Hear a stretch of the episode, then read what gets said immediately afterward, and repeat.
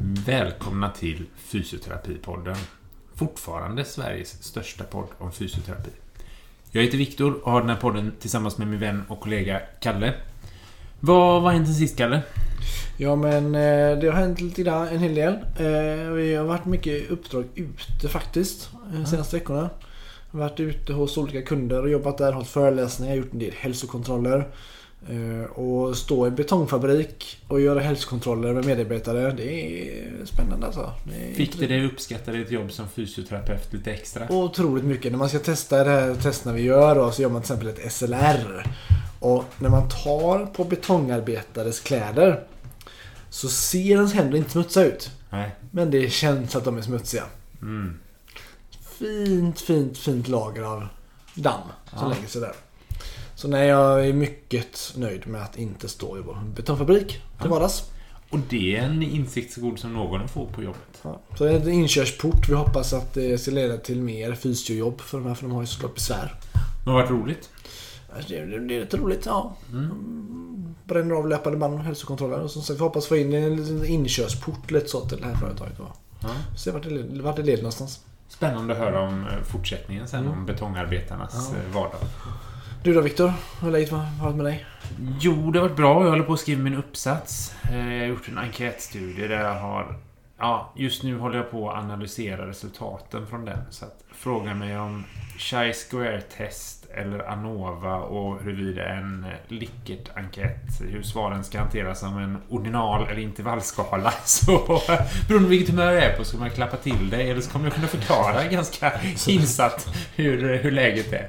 Så nailade du det helt enkelt. Ja, Eh, Jag har för mig att du höll faktiskt på med det här förra gången vi spelade in också. Ja, men nu är jag ännu mer djupare i kaninhålet. Men det blir bra. Jag känner att jag faktiskt, mitt utkast av uppsatsen jag har nu är, är bra. Nu behöver det finputsas lite, men jag, jag kommer nog bli nöjd med den tror jag. En del intressanta slutsatser och grejer jag hittat i den. Vi måste nästan göra ett eh, jubileumsavsnitt med den när den är Det färdig. tycker jag faktiskt. Den kommer nog kunna fylla en... eh, Att vi pratar en halvtimme om den.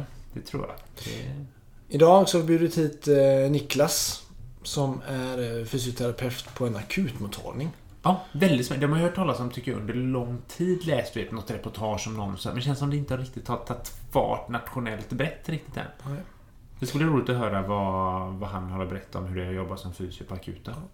Och vi vänt, behöver inte vänta på det. Vi säger bara här kör vi och följ oss i- sociala medier. Finns det poddar finns.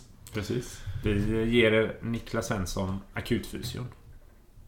Då är vi väldigt glada att ha Niklas här. Eh, Niklas, vi börjar som alltid med en faktaruta. Namn Niklas Svensson, och ålder. 29. Och varför valde just du att läsa till fysioterapeut? Ja, för mig var det ju som så många andra i eran podd att det liksom är morsan lite grann som har varit inne på, Äntligen en till! ja, precis, på banan. Men eh, hon tänkte nog inte direkt på fysioterapeut utan det var mer så här att hon guidade mig lite grann. Ja men du tycker ju om det här med träning och du tycker ju om att hjälpa folk. Jag hade jobbat lite på demensboenden och så innan. Eh, och tyckte det var jätteroligt, jättegivande. Och då kom väl jag in på det lite grann och funderade lite extra och så tänkte jag lite på ja, såklart fotbollslag och sånt där. Det har varit kul att vara den där som springer in med eh, förbandslådan och det är så här, i något större lag. Men eh, eh ja, så blev det på den vägen. Och så många andra att man var idrottsinriktad då. Men eh, det föll man ganska fort ur när man kom in i utbildningen, eh, kände jag. Vad var det som hände för dig då? Eh, under utbildningen, Ja, när du föll ifrån idrotten. när jag föll ifrån det. Ja. Bra fråga. Det var nog lite uppvaknande var nog när man var på första, eller andra praktiken i habiliteringen tror jag. Eh, termin fyra var det för oss i Uppsala då. Och man fick se ungdomar och barn med CP-skador och liknande. Och jag kände liksom att här gör man ju skitstor skillnad som fysioterapeut. Och det är inte bara inom habilitering man kan göra det utan det kan vara sjukvården också. Liksom. Så det var nog i, på det spåret eh, som jag föll ur där. Mm. Eh, och var läste du till fysioterapeut? Var det i Uppsala då? Uppsala, Och när var du färdig? 2019, våren 2019. Och var jobbar du just nu? Just nu jobbar jag på Kungälvs sjukhus. Ja. Eh, Ja, där jag är eh, varannan vecka på ortopedavdelning. Mm. Eh, varvar lite grann nu med mottagningsarbete, lite återbesökspatienter och eh, uppvak efter operationer. Och varannan vecka är jag på akuten. Okej. Mm. Och det är därför vi har blivit lite, framförallt idag, för att, om akuten och det är skitspännande område. Mm. Eh, och så brukar vi alltid fråga om du har någon eh, pinsam, dråplig patienthistoria. Det vet jag att du har, men om du någon som delar efter två år, det händer, man behöver jobba två år, det räcker gott och väl. Eh, har du någon som du kan dela med dig av i podden idag? Ja, jag har tänkt mycket på en eh, patient, men jag känner liksom att det, det blir för, lite för utpekande. Det skulle typ kunna gå att räkna ut eh, nästan, om man verkligen ville sätta sig in i det. Så jag kände att jag tar inte den patienten. Men jag hade på mitt förra jobb, när jag jobbade inom eh, företagshälsan eh, i Mölndal, så hade jag en person som jag tyckte var väldigt, det var liksom coolt att ha honom där. För Mm. det började med att han hade ont i en armbåge och ser direkt när han kommer innanför dörren att han är en bitig kille, vältränad. Eh, och eh, han började förklara då att ja, men jag får ont eh, i armbågen. Ja, men när får du ont i armbågen? Ja, men typ när jag repellerar ner från byggnader och eh, sådana grejer. Jaha. Jag slår in dörrar och sånt. Okej. Eh, det här var inte Agda 80 liksom, kände jag. Eh, Okej, ja men vad, vad, säg något mer då. Vad, vad får du mer ont? Ja men när jag bär tunga vapen och skyddsvästar och sånt, då får jag Mm. Ja, Okej, och så visade det sig då att han jobbar inom eh, special, vad heter det? Inte specialstyrkan, men eh, ni förstår. Insatsstyrkan. Insatsstyrkan, Insatsstyrkan. Ja. Eh, och det kändes, det kändes lite som att ha liksom, ja men när det är Die Hard 6 som spelas in, eh, Bruce Willis går till fysioterapeuten liksom. Skulle du ge honom några bra råd då? Ja, men det tycker jag. Han, han var tacksam. Sen tror jag att han behövde lite mer, alltså lite, lite mer riktat eh, idrottsmässigt. Så jag skickade faktiskt honom till en, en annan idrottsspecialiserad fysioterapeut. Mm. Ja, inte, inte alls som behandlar Bruce Willis. Nej, verkligen inte. Nej, det är spännande. Ehm, ja, och som sagt, akutmottagningen är det vi har tänkt vi har, ska prata lite, lite mer om idag. Sådär. Vad, Jag tänkte vi kan börja nästan att vad, hur ser en vanlig dag ut där? Ja, en vanlig dag. Kommer upp typ vid nio. Eh, så har vi lite morgonrapport hela, hela akutmottagningen. Mm. Eh, vi stämmer av vilka är här idag, vilka team har vi, vilka är på varje team, eh, vilka är läkare, vilka är undersköterskor, vilka är sjuksköterskor och så vidare. Om det är något speciellt som ska hända kanske i samhället. Typ nu senast så var det ju i Kungälv var det någon slags motocross-tävling. Och då är det lite så här, ja, det kan komma in en del frakturer liksom sådär. Eh, så det som är aktuellt. Eh, sen ja, går man in till sin expedition. Jag brukar ta med mig en kopp kaffe. Första patienten brukar inte trilla in. Det brukar vara rätt tomt på listan där vid nio. Sen brukar de trilla in där successivt. Framförallt vid 11 brukar vi skämtsamt säga att då kommer 11 bussen. Mm. Då kommer det många patienter. De som har känt på sina skador från dagen innan och eh, känt lite på jobbet om det funkar eller inte och sen funkar det inte så kommer de in. Ehm, och sen då, ja, då, jag jobbar ju i, lite i triage då, så att första patient, alltså jag är liksom första bedömare istället för sjuksköterska, så att vi, vi avlastar lite sjuksköterskorna på akuten. Mm. Eh, och där vet jag att det är en skillnad ifrån till exempel Lund, eh, Lunds akutmottagning där fysioterapeuterna mest nu får Lund fysioterapeuten rätta mig om jag har fel, Mm. men som jag har förstått det så jobbar de mycket med arbetsterapeuter på akuten så att de jobbar lite grann som på avdelning, att man, man ser till att äldre får komma hem och sånt där samma Mm. dag istället för att skrivas in. Och just den biten kan väl jag sakna lite på Kungälvs akut. Det har vi inte riktigt på samma sätt där. Utan där är vi mer första bedömare, vi är med och skickar röntgenremisser, eh, tar tillbaka patienten efter röntgen eh, och bedömer eh, tillsammans med läkarna skadorna. Mm. Har ni en de- delegation för att skicka skriva röntgenremisser? Ja. Hur funkar det? Yes, det vi via sjukhusets eh, ledningsläkare, ja, det. mm, medicinskt ansvarig. Mm. Och vad är det framförallt för typ av, av skador som det är? Jag tänker fotleder eller axlar eller lite Ja. allt möjligt eller någon Ja, men typisk? det, det är allt möjligt alltså, men eh, ja, det kommer in väldigt roliga grejer ibland. Men eh, mycket fotleder. Yngre Mm. killar som spelar fotboll och stukat sig. Äldre som har gått på promenader med någon hund eller något och trampat snett. Eller halkat i slänt är väldigt vanligt förekommande nu, har jag uppmärkt. ja, eh, och sen är det ju folk som råkar köra in fötterna i gräsklippare. Typ. Eh, Mm. Då skriver man röntgenremiss va? Ja, Eller? det är tveksamt. Nej, det är klart man.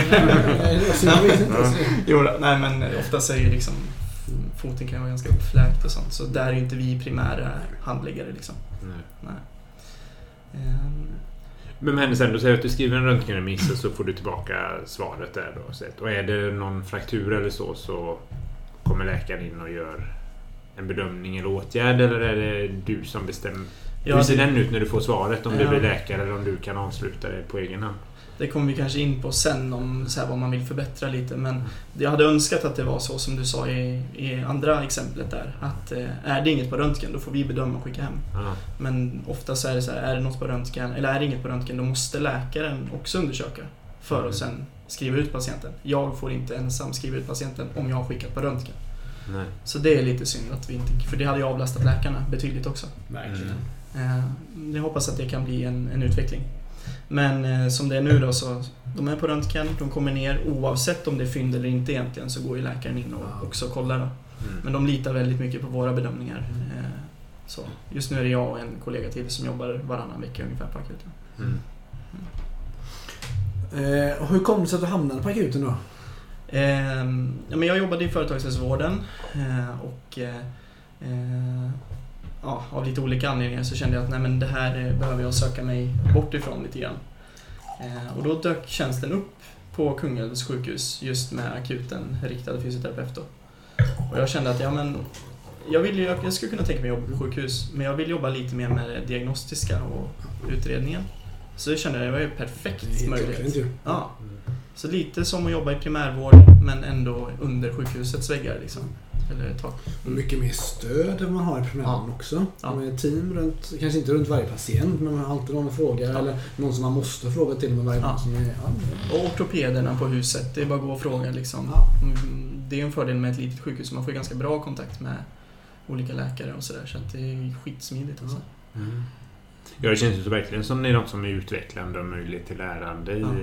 Jag tänker själv, det man har med sig från utbildningen är ju inte våldsamt mycket i så här akut skade, alltså omhändertagande och vad kan det vara, hur olika, hur behandlar man olika beroende på vad det är för fynd på röntgen eller inte. Så det känns som att det här måste vara en ganska brant inlärningskurva Ja. i början när man får träffa. Ja, men det är väldigt också, jag tycker också att har man lite erfarenhet av primärvård, då är det liksom perfekt. För det är ganska, det är ganska liknande ändå, hur man undersöker och så. Mm. Men det är klart man måste tänka diff-diagnoser.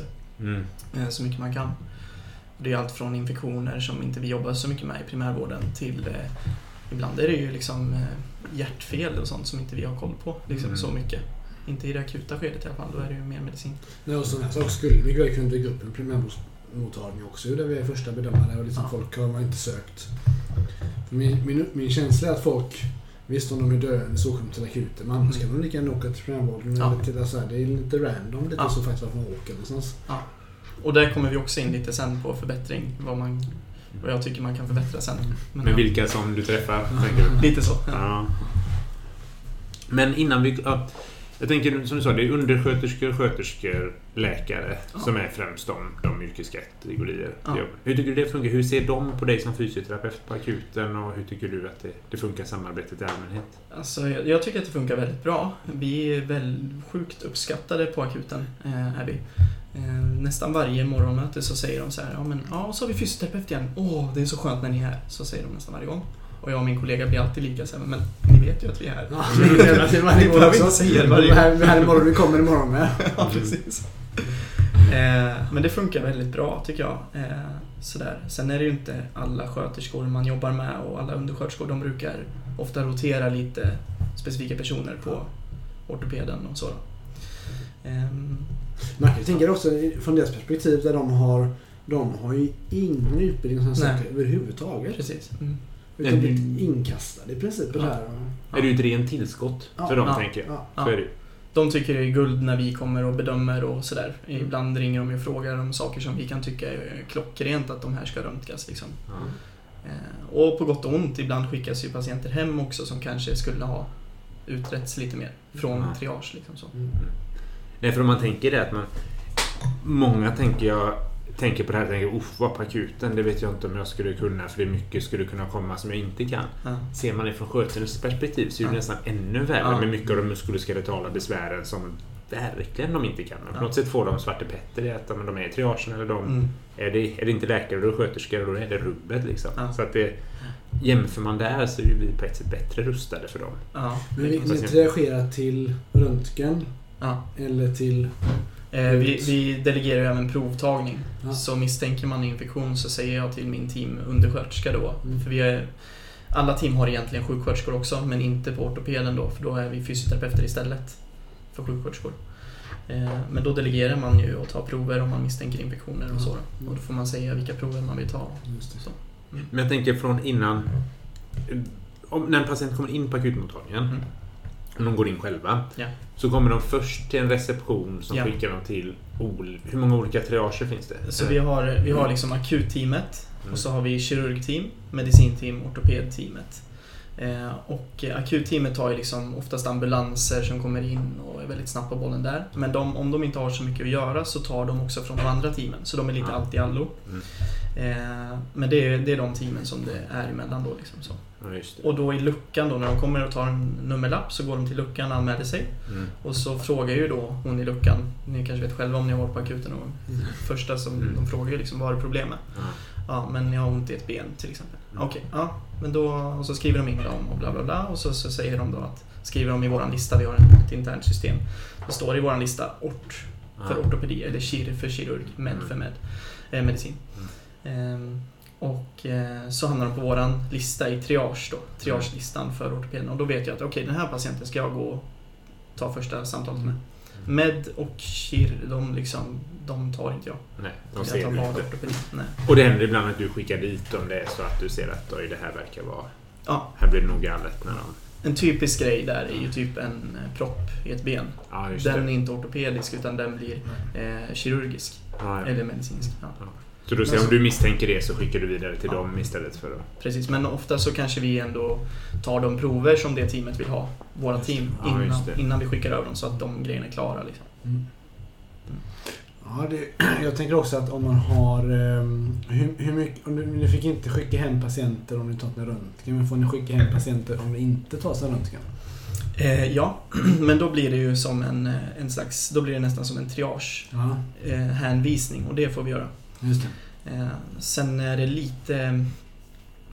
eh, Lite, om det har varit lite hårdare nu eh, ett tag där vi till exempel alla ryggar har det varit lite snack om att de får vi inte liksom hänvisa.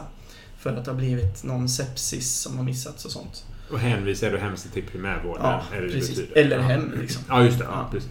Det beror på. Eh, Men oftast då om om man vill göra en hänvisning, eh, det här med ryggar nu till exempel, vi hänvisar dem fortfarande men kanske till mindre grad än innan. Mm. Eh, Och vi är väldigt noga om att fråga de här kontrollfrågorna om ja, men har du haft feber, har du cancer eller har du liksom nattlig värk, allt det här. Mm. Kauda-symptom. Är det inget av det och vi gör en undersökning som tyder på typ lumbago Mm. eller lumbago ischias, då kan, kan vi ofta skicka hem dem. Mm. Så. Har man tagit in i guidelines att nattlig värk är borta för röda flaggfrågor? Gäller inte längre. Alltså, Ja. aha. Frågar ortopederna så säger de Ja, det är fortfarande... ganska, ja, men det är ganska nytt senaste Ah. åren bara som tar bort det. För att det, det saknar specificitet. Ja, jag förstår är det. Helt och hållet, liksom. Jag kan förstå det, för det är också så här, det tänkte jag i utbildningen, bara, vadå nattlig värk? Det kan man väl ha oavsett om Ja. det... Ja. Så det är för ospecifikt så det finns inte med längre. Nej. Men det har inte ortopeden lärt sig. Det är, Nej. Ja. lär nog ta ett tag. Nattliga svettningar. Trodde jag att jag hade cancer. Det var vaknade svinsveckig varje natt i typ en vecka. Så googlade det. Då är det så här cancer, cancer, cancer. Så upptäckte jag bara men jag har inte bytt duntäcket. Och det är liksom ja. maj nu. Så jag gjorde det. Så var var jag cancerfri. Som genom ett trollslag. Men jag tänker på det där som du sa att ni var uppskattade av, av övriga medarbetare där. Mm. Nu är det såklart lite svårt, är det egentligen inte. Men för de flesta är det svårt att svara på. Men vad tror du att det, tror du att det är väldigt personbundet? Att det krävs någon som är lite extra duktig som är där? Eller tror du att någon liten såklart vidare att man vet lite vad det är. Jag har läst lite PM och sådär. Men tror du att det liksom kräver ja, men jag får vara lite extra duktig för att klara det här och då går det bra? Eller att det är vem som helst egentligen som skulle kunna komma dit bara man har läst det där första PMet? ja, det är en bra fråga. Ehm, Eller så här, för jag tänker, om man skickar till kirurgavdelningen och säger Mm. du ska postop, eh, Mm. mobilisera diverse olika bukoperationer. Det kan Ja. man ju skicka nästan vem som helst Ja. på. Ja. Sticker jag ut hakan och säger lite. Mm. Eh, är det liksom, det är olika, olika områden kan man skicka olika. Behöver man vara olika duktig på? Det här vet ju inte jag hur detta är, men vad är Mm. det, är det här en man behöver vara duktigare på tror du? Eller är det inte? nej, men jag tror att det, det räcker nog att du har ett, en nyfikenhet, ett allmänt intresse om just eh, akutsjukvård och, och sjukdomar i, i det akuta och ortopediska åkommor. Eh, då kommer du långt på det. Eh, Mm. För du lär dig så mycket under tiden av de du träffar, alla ortopedjourer som kommer ner och bedömer. Mm. Och röntgenremisser du får skicka, du lär dig ju bara genom att skriva röntgenremisserna så lär du dig rätt mycket och läsa Mm. röntgensvar och sånt så lär man sig mycket på sånt. Mm. Eh, Så både ja och nej. Det är både personbundet men också intressebundet skulle jag säga. Ja. Mm. Ja, det är verkligen kunskapsintensivt tänker jag med, så, med, sjuk, med läkare och sköterskor. Då ska man själv stå där och hantera det. Men Ja. som du säger, jag tror säkert det här intresset kan ta en väldigt, väldigt långt alltså. Ja. Mm. Och sen är det ju väldigt olika baserat på vilken, om du ska skicka en DVT-misstanke till exempel eh, Mm. till eh, medicin eller kirurg, då är det ju verkligen så här. Vissa läkare de vill ju verkligen att man har kött på benen. Mm. Eh, så att man ska ha liksom Ja, ja, ja. en rejäl bakgrund. Så. Jag är inte orolig inte alls. Nej, Egentligen. det är Mm. jättebra. Eh, så att de. Mm. Men det är olika. Jag, jag kommer återkomma till det lite med ryggar då. För att eftersom att ehm, du nämnde att man har missat någon sepsis och så vidare. Mm. Att man utreder, alltså en, en stor mängd av de patienter som kommer till akuten utreder man medicin, mer medicinskt. Mm. Skulle man prutta dem in i primär, jag har jobbat med primär, primärvårdspatienter i 15 år. Sen vet jag vet aldrig sett någon som haft en sepsis. Ja. Så det är otroligt ovanligt i primärvården. Ja, vad du vet. Jag vet. Ja. Ja, jag vet. Det är otroligt, statistiskt otroligt ovanligt. Ja. Ja. Det är klart att den procentdelen är större på Mm. sjukhusen. Mm. Självklart. Mm. Men hur många är det egentligen? Vet du vad någon uppfattning om det? Nej, jag vet bara att de är väldigt noga med att säga till oss att det här får ni inte missa. Nej, liksom, nej, det, det händer att eh, patienter kommer in med sepsis. Ja, Och på sjukhuset så får man ju också se de där som man inte ser i primärvården. ja. De kommer ju liksom till oss. Mm. Man får facit sen på något sätt. Ja. Precis, men någon siffra har jag inte på rak hand. Men jag kan, skulle säkert kunna trolla fram lite Ja. siffror. Men förekomsten av allvarlig patologi inom primärvården är under 1% liksom. Under 1%. Ja. Och Mm. det är klart att den är högre på sjukhus, men om vi säger att den Ja. är 3% Ska man då utreda 98? Mm. Eller kan man ta några fler pan- med noggranna näsfrågor? Eller Ja. måste man göra alla tester också? Mm. Beroende på vilka tester det är. Ja, men bara intressant. Ja, Ja. ja, verkligen. Men ap- apropå Det är inte 50% tänker jag. Det Nej. kommer med allvarlig sjukdom i ryggen. Nej, nej, nej, nej, absolut inte. Det är långt, långt ifrån. ifrån. Ja, absolut, absolut. Men jag tänker för mig som inte har... En, av de som kommer med ryggen, hur många är det som är så här, jag ska ha MR nu? Här och nu, Eh, för jag, min rygg är trasig. Det är en del ändå, men det, jag tycker ändå att förvånansvärt. Jag har jobbat på akuten i snart två år och under den tiden så är jag förvånad över att det inte är så himla många ändå. Och det är rätt Mm. många som är väldigt nöjda bara de blir påtittade av kanske en fysioterapeut. Det räcker liksom för många. De känner att de har blivit, blivit undersökta, för ibland är det så här, de kanske går till en läkare på vårdcentralen och de kanske har en 15 minuters lucka för den här Mm. patienten. Man har inte utbildning i det här heller. Nej. Och så säger de att nej men jag vet inte vad det här är. Blir det värre så åker du till akuten. Så åker de till akuten. Och har inte ens blivit påtittade. Så många är väldigt tacksamma. Det är Ja, verkligen såklart. en, eh, en ögon, vad heter det? Ett uppvaknande lite grann. Mm. ser det. Mm. Men så, och sen är det också mm, vissa läkare, eller alltså mm, rätt många läkare säger det här med kauda, kauda-symptom. Det är rätt många som kommer på remiss med kauda-frågeställning. Ja. Eh, det, jag, jag har inte sett en enda kauda som har kommit in. Men Jag minns jag skickat två vet jag. Ja. Sen skickat på 15 år. Ja. En hade nog, en hade det inte. Men fått, hade fått ryggsmärta så. Men så som det ja, några lumbag och ischias. Mm. Och urinvägsinfektion samtidigt. Ja. Så det är bättre safe than sorry. Ja, liksom. men Så. precis. Ja, men där, och det är ju helt rimligt. Ja. För du kan ju inte veta Nej. liksom, vad som är vad. hon, hon var inte nöjd fredag, fredag eftermiddag klockan 16. Ja. Och till 16.30. Du ska ta akuten nu? Ja. Nej, jag sa det. Jo, och så här, ska du visst. Du åker till Mölndal. Ja, Sätter dig. Ja. Men det är intressant. Och, eh, verkligen. För att det är ju den stora frågan. En av de stora frågorna i primärvården för patienterna. Mm. Var är min MR? Ja. När får jag jag får se hur det ser ut? Så Ja. det är skitnyttigt att höra att det, inte- att det faktiskt inte är på det sättet. Å andra sidan i företagshälsovården har väl du kanske också erfarenhet av. Där, är det ju, där skickar man ju liksom MR nästan direkt, i alla fall på den kliniken jag var på.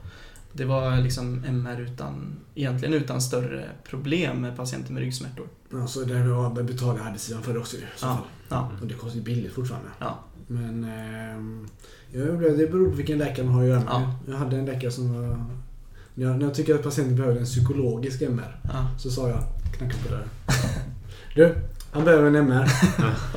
Och hon var en, hade specialist i nå- någonting helt annat. Ja. Så hon sa, jajamän så, så ska Ska du- Ja. Ja. Ehm, Så står det på remissen, psykologisk MR. ja, precis. ehm, nej, det är ja, spännande alltså, verkligen. Mm. Mm. Men jag tänker att det är ju en sån... i den här diskussionen som finns kring akuten i stort med vem söker till akuten om man ska söka. Så min upplevelse när man pratar med folk i gemene man så, så är det att åker jag till akuten för att träffa en expert Mm. och sen åker de dit för att träffa en AT-läkare Ja. som inte alls kan det de Ja. med. De, Ja. de kan vara jätteduktiga på du är inte allvarligt sjuk, du är inte livshotande sjuk nu, du kan gå till primärvården om tre dagar. Den bedömningen är de jätteduktiga på. Men de får ju ingen bra bedömning av sitt grundproblem. Nej. Men, men att, att liksom idén finns att på akuten få experthjälp och det gör att folk söker där felaktigt. Men jag tänker att det, det kan ju också vara till nytta i, som du säger Kalle, med de primärvårdspatienterna som kommer att vilja ha MR. Mm. Är kanske mer såhär, den här jävla fysion eller primärvård. Mm. Ska han säga till vem som ska MR nu? Mm. Eller läkaren? Mm. Men är man på akuten och de säger nej, Nej. gör en undersökning, du ska inte ha MR. Att Ja. det väger tyngre på något sätt. ja, kan du uppleva att det finns något i det? Att det, Det tror jag absolut. Definitivt. Och det, det, det är väl därför de blir så nöjda, många, när de har blivit lite Ja. undersökta och går hem. Och jämför med primärvårdsläkarna som sitter på vårdcentralen och vi Mm. i princip bara vill bli av med de här patienterna. Ja. De vet inte vad de ska med dem. Ja, ta en MR då. Mm. mm. Mm. Ja. Och så är hjulet igång. Ja, precis. Och hittar de massa bifynd Ja, då. men exakt. Hur Ja. mycket utrymme har ni att göra kliniska undersökningar patienterna? Mycket. Ja. Vi, vi lägger ju upp själva hur vi egentligen vill undersöka. Jag skulle kunna gå in och ja, passivt behandla om jag vill. Liksom. Ja, ja, ja. Det men, så. ja, ja. Men eh, ja. Så det är- så det, det, vi styr mycket själva. Men det är också det här med triagekön. Den, vi vill ju liksom, så fort de blir satta som ortopedpatient, då vill jag ta dem så fort som möjligt så att vi minskar tiderna för triagen med. För statistikens skull. Ehm, och eh, ibland är ju triagekön, jag kanske har en ryggvärk, de tar lite tid att undersöka. Mm. Eh, så har det hopat upp sig med fem patienter i kö. Då blir man ju ganska ändå uppe i varv, lite stressad. Då hinner man inte göra den där extra lilla undersökningen just för tillfället. Får man komma tillbaka sen i så fall. Ja, och det ska man kanske inte behöva göra heller. Nej. Är det, är det, på, den, på den vårdnivån tänker jag. Det är inte rimligt att göra en... Nej, sen tycker jag att det är kul att ge den eh, extra servicen Ja, för många. verkligen. Eh, att säga, ja men vi Tänk- kollar på det ordentligt. Tänk när jag kommer hem från jag fick en rejäl, riktig fysioterapeutisk undersökning. Kollade på mig jättenoggrant. Ja, Och det var inget fel. nej. Och det är inte bara för den patientens skull, utan för min egen skull också. Ja, Att ja. få bibehålla Ja. primärvårdskunskaperna och liksom så. Mm. så. Jag, när jag träffar patienter som har varit på akuten, ryggpatienter som har varit på akuten och får lov att säga så, att det var fel nivå. Det var fel vårdnivå för dem. Mm. Så tänker jag att den här patienten är otroligt rädd för Ja. sina besvär. Ja. Vad tänker du om det? Eh, jo, men det ligger nog något i det. Eh, så, då kanske de inte heller har fått träffa någon som har verkligen förklarat för dem att det här är inte farligt. Utan Nej. det kanske har bara varit Ja, vi vet inte vad det är men du ska inte vara här. Nej. Typ. Då har de inte fått några svar Nej. heller. Och det var ganska stora besvär, det var diskbråck till Ja. exempel. Med kraft, smärta och Ja. nervutstrålning. Ja, Men de hamnade på fel nivå nu. Ja. ja. Ehm, Jo, men så, absolut, men jag, jag upplever inte att det... Jag har inte sett så himla mycket rädda patienter. Sen kan ju det vara i, i grunden till att de söker också.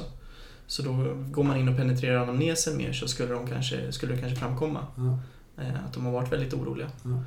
Eh, Ja, det kan ju vara så att rädslan släpper när man väl kommer förbi receptionisten i akuten Ja, och ja, känner att nu är jag Ja, i trygga Mm. händer och nu, nu kan jag andas ut och slappna av så kommer experterna och tar hand om mig. Liksom. precis.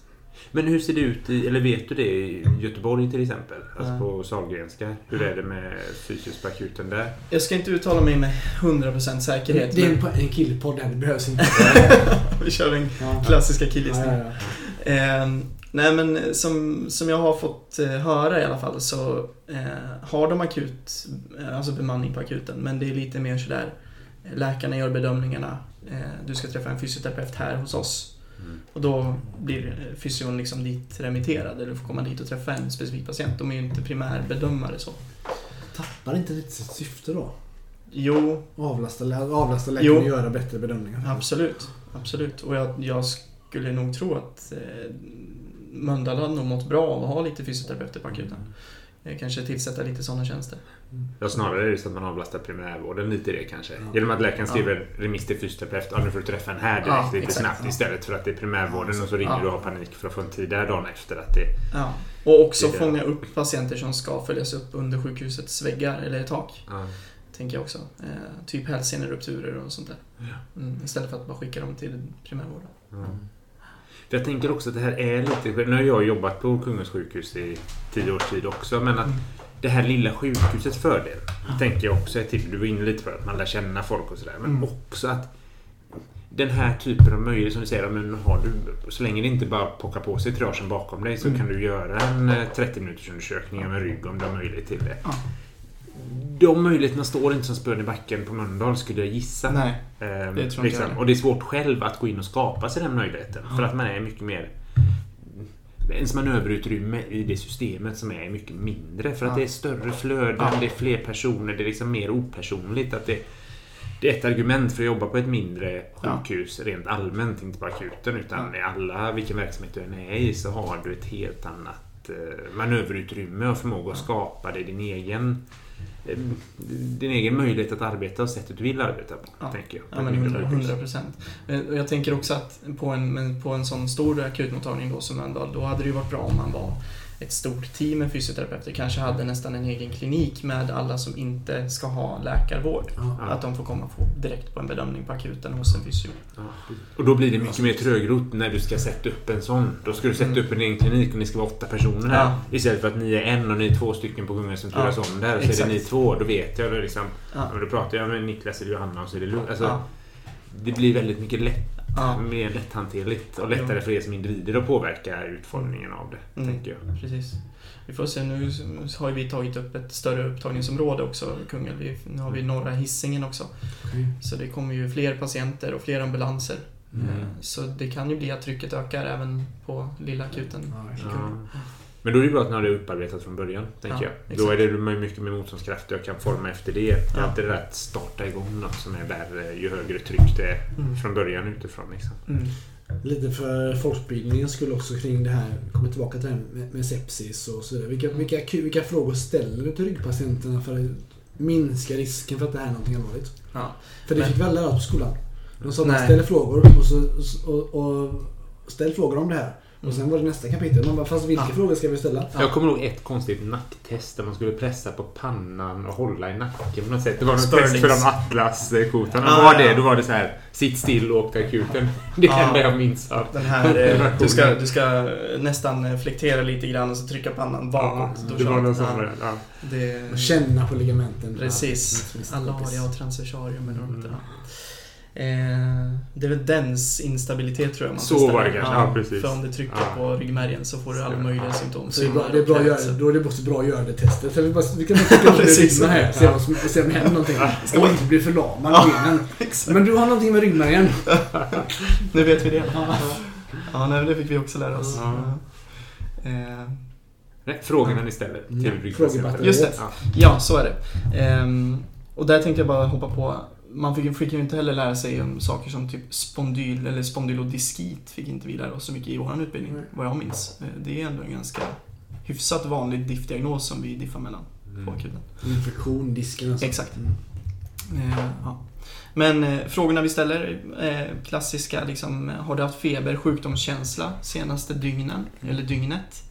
Ehm, I kombination med ryggverkan. Rodnad, svullnad i området. Ehm, om du har problem med blåsa tarm, Mm. defek- defekation. Eh, och då inte bara om du har problem utan man ska ju även fråga då liksom, är det så att Eh, är det så att du känner att du blir kissnödig eh, eller bara börjar det rinna över liksom, för då är det ju ett tecken på att blåsan bara fyller på sig. Mm. Eh, tömmer sig spontant och det är aldrig en bra, ett bra tecken. Och sen så frågar vi mycket om eh, tidigare ryggsmärtor och allt sånt här också för att diffa eh, sen innan. Mm. Men det är väl framförallt de grejerna som vi Ja. Och Ställ då är det frågor. nytillkomna besvär som Ja. vi inte vill höra. Som vi inte vill höra egentligen. Ja. Men precis. Och sen ska det också vara symptom som att det strålar ut i bägge ben, kanske in mot ljumskarna som kauda och in bak mot ändtarm och allt det här. Mm. Nedsatt känsla när man tar i området, det frågar vi också om. Så. Utmärkt. Varsågoda lyssnare. Mm. Precis, här har ni den. Eh, Ska du, även om du sitter i primärvården, kan du säga att det här är vad någon på akuten hade frågat dig. Ja, det, Men det inger respekt Det faktiskt. gör det Ja, faktiskt. ja, ja. Nej, och det där är ju apropå, jag vet jag hade en kollega vars man var ortoped som hade jobbat på Uddevalla sjukhus längre och sen Mm. bytte till Mölndal. Mm. Det här pratar vi 08 kanske, så det är ett tag sedan. Men det han sa var att han upplevde att de fick jättemycket mer anmälningar mot sig på Mm. Mölndal. Från patienter Mhm. jämfört med på Uddevalla. Mhm. Och han sa samtidigt att fast mina kollegor är duktigare på Mölndal än på. Uddevalla. Ja. De gör bättre bedömningar, vi ger bättre vård här. Ja. Men hans idé var att ja, men på Uddevalla fick han en halvtimme hos ortopeden Ja. och de klämde och kände Ja. och frågade tre extra gånger. Alla kom därifrån och kände sig sedda och bedömda. Mm. Medan Mölndal var det man frågade det man var tvungen på Ja. kortast möjliga tid Ja. för att fatta rätt beslut. Ja. Eh, lite som, det var inga psykolog-MR Nej. som skickade. Nej. Det var inte heller den där psykologfrågan, eller psykolog... Jag känner igenom transversalutskotten. Mm. Jag, när jag gjorde det när jag jobbade i primärvården hade jag ingen aning om vad jag kände efter. Men gud vad mycket mer nöjda patienterna var och de kände Ja. att jag blivit undersökt. Ja, och ibland, ibland bara av undersökningen så känner de sig botade också. Ja, exakt. Ja. Sen är det ju inte etiskt såklart att bara trycka på dem för att de ska känna sig undersökta. Man ska ha någon tanke med det. Men, men att just den... Att ge en ordentlig undersökning Mm. är en, en botande faktor i sig. Mm. Om inte minst för den där oron som, Mm. som vi är inne på.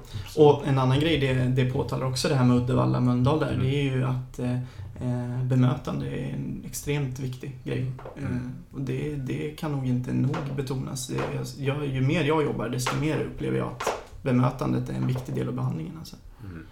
Ja, verkligen. Mm.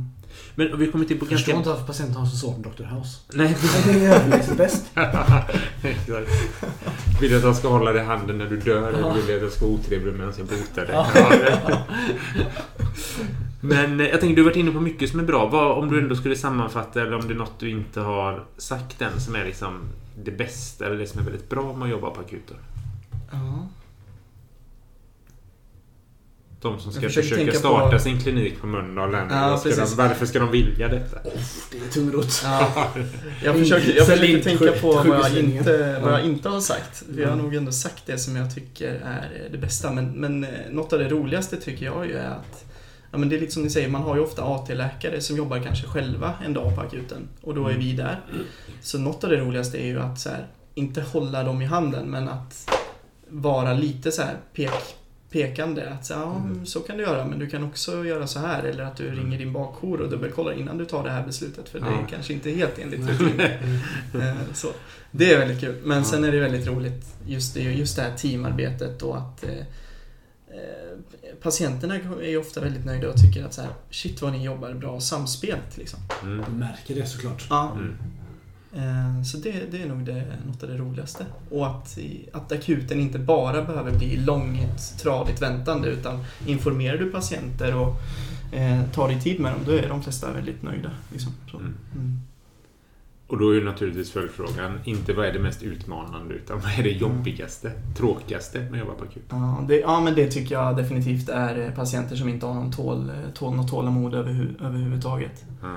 Eh, hade någon man som, han, jag vet, han hade väl någon, någon psyk, psykdiagnos också, men han gick runt i korridoren och bara fram och tillbaka, kollade in i vårt rum hela tiden och så här, till slut så öppnade han dörren och bara Jag får fucking psykos på att vänta. Ja. Jag förstår honom, men han måste också inse att vi har många andra patienter samtidigt. Ja. Och kan man gå runt på det sättet Ja. och kolla in i annans Ja. rum. Ja. Då är det ett bra Och tips. upptäcker man att man får en psykos Ja, så är det inte ortopeden ortopeden man är där för tänker jag. Nej. precis. Och inte Det först i kön man är heller. Nej, inte. Det är andra problem som du behöver ta tur med. Definitivt. Men Ja. Och sen är det ju andra negativa grejer som eh, ja, men jättetuffa eh, hemsituationer. Alltså vi får ju höra om allt möjligt, att det inte funkar i hemmen hos äldre. Och, eh, ni vet, de ligger i sängarna med avföring och urin i flera dagar i sträck och sånt här. Att det, den här misären, det är ganska tungt att höra om.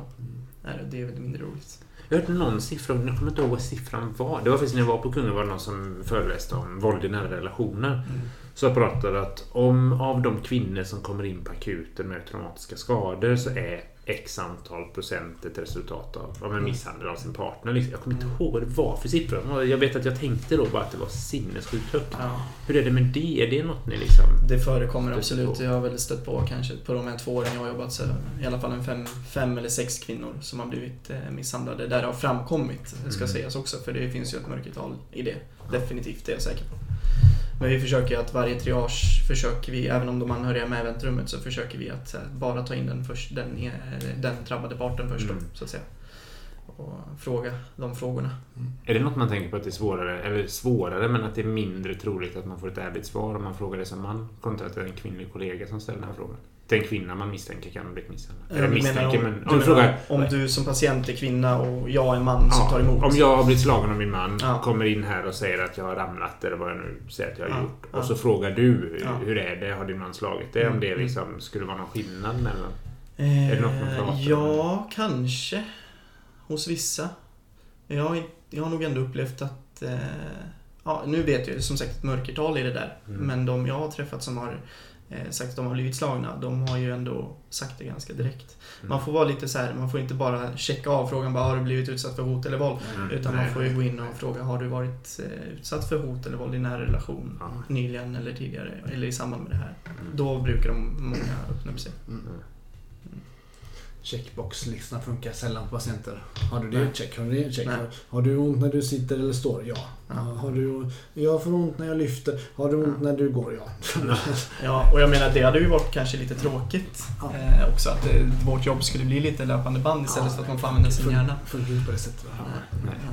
Nej, det är det som är roligt. En annan tråkig grej tänker jag, det behöver inte du säga, men eh, det är ju att är lönen när man är landstingsanställd. Men hur ser det ut med det? Alltså, är det något... eh, Är tjänsten på akuten något som ger ett tillskott? Ja. Att man har du den Yes. där? Ja. Ja. Vi får eh, en viss summa eh, extra så. Sen är inte det någon supersumma i sig. Men, Men, men det signalerar ändå något och det Ja. finns ändå lite... Med större ansvarskrav med de här Ja. remi- remisserna av provtagning och så. Då. Exakt. Tänker att det är väldigt mycket större ansvar än att mobilisera nyopererade på Ja. kirurgavdelningen. Mm. Jäklar vad jag klankat ner på Nej, men alltså, våra stackars det kollegor. sa Och jag vi- har varit en av er. Jag har Det sa vi redan på utbildningen att här skulle du kunna... Alltså man, man tar upp en patient, sen är det kunskap bakom sin sjukdom. Man tar upp en patient och mobiliserar. Det är 14, dag- 14 dagars utbildning. Mm. Så kan man det bra. Sen Mm. just själva praktiska, Ja. att mobilisera en patient på stopp. Ja. Sen är det många aspekter i det också. Såklart. Ja. Ja, skulle du rekommendera någon annan att jobba på akuten då? Absolut. Mm. Det är nog det roligaste jag har gjort Ja, hittills. nu har inte jag jobbat så himla länge men det är sjukt kul. Mm. Jag, hade jag fått välja så hade jag jobbat hela tiden bara på akuten. Så din tjänst kommer inte bli vakant snart då. Men de där tio på Mölndal som ska tillsättas kan ni ju... Ja, vi har faktiskt en tjänst, om jag får ge lite reklam, så har vi faktiskt en tjänst ute just nu. För Mm. just akuten. Ja. Så är ni sugna där ute, eller, eller ni två grabbar, så är det bara att söka. Mm. Mm. Och vad tror du kommer vara... Alltså, har du någon spaning om hur det ska se ut framöver? Hur kommer det utvecklas, arbetet på akuten? Eh, Eller hur tror du och hur skulle du vilja? Jag tror att eh, det behöver nog vara antingen att jag eller min kollega eh, drar ett litet last där om man skulle vilja utveckla jobbet som fysio, för annars så vill de nog köra på på samma sätt. Mm. Jag skulle nog, som sagt, kanske vilja ha en arbetsterapeut också och jobba i team med. Just när de här äldre kommer in som har tuffa hemsituationer. För direkt kontakt med kommunen och se om de kan komma hem istället för att Mm. skrivas in för ohållbar hemsituation. Mm. Lite så skulle jag nog ändå vilja se att det skulle bli, att det hade varit lite bättre. En form av koordinering Ja. däremellan från, från akuten till kommunen. Ja. Det Vi har omsorgskoordinatorer, Mm. så de hör ju av sig till kommunen vid behov. Men det behövs ju ibland kanske någon rullstol eller sådär. Och då är det arbetsterapeuterna. Ja, Och kunde jag tycka när jag jobbade på korttidsboende så fick vi in många patienter som hade kommit in till akuten med ohållbar hemsituation. Ja. Blivit inskrivna på avdelning, legat på akuten ett dygn eller två, sen inskrivna på avdelning. Ja. Var tvungna att vårdplaneras Ja. och så kom de till oss efter en vecka och kände så här, de hade kunnat komma hit direkt. Ja. De hade kunnat åka hemifrån till oss. Det enda de behövde var den omsorgen och så, men det var inget medicinskt akut som Nej. med det här. Nej. Men, men som sagt, det gäller att ha vägarna dit då. Mm. Och på något sätt så... Eh, akutens intag av patienter speglar ju lite grann hur, hur eh, belastat sjukhuset är. Alltså Mm. det är ju de patienterna som kommer in på akuten som läggs in.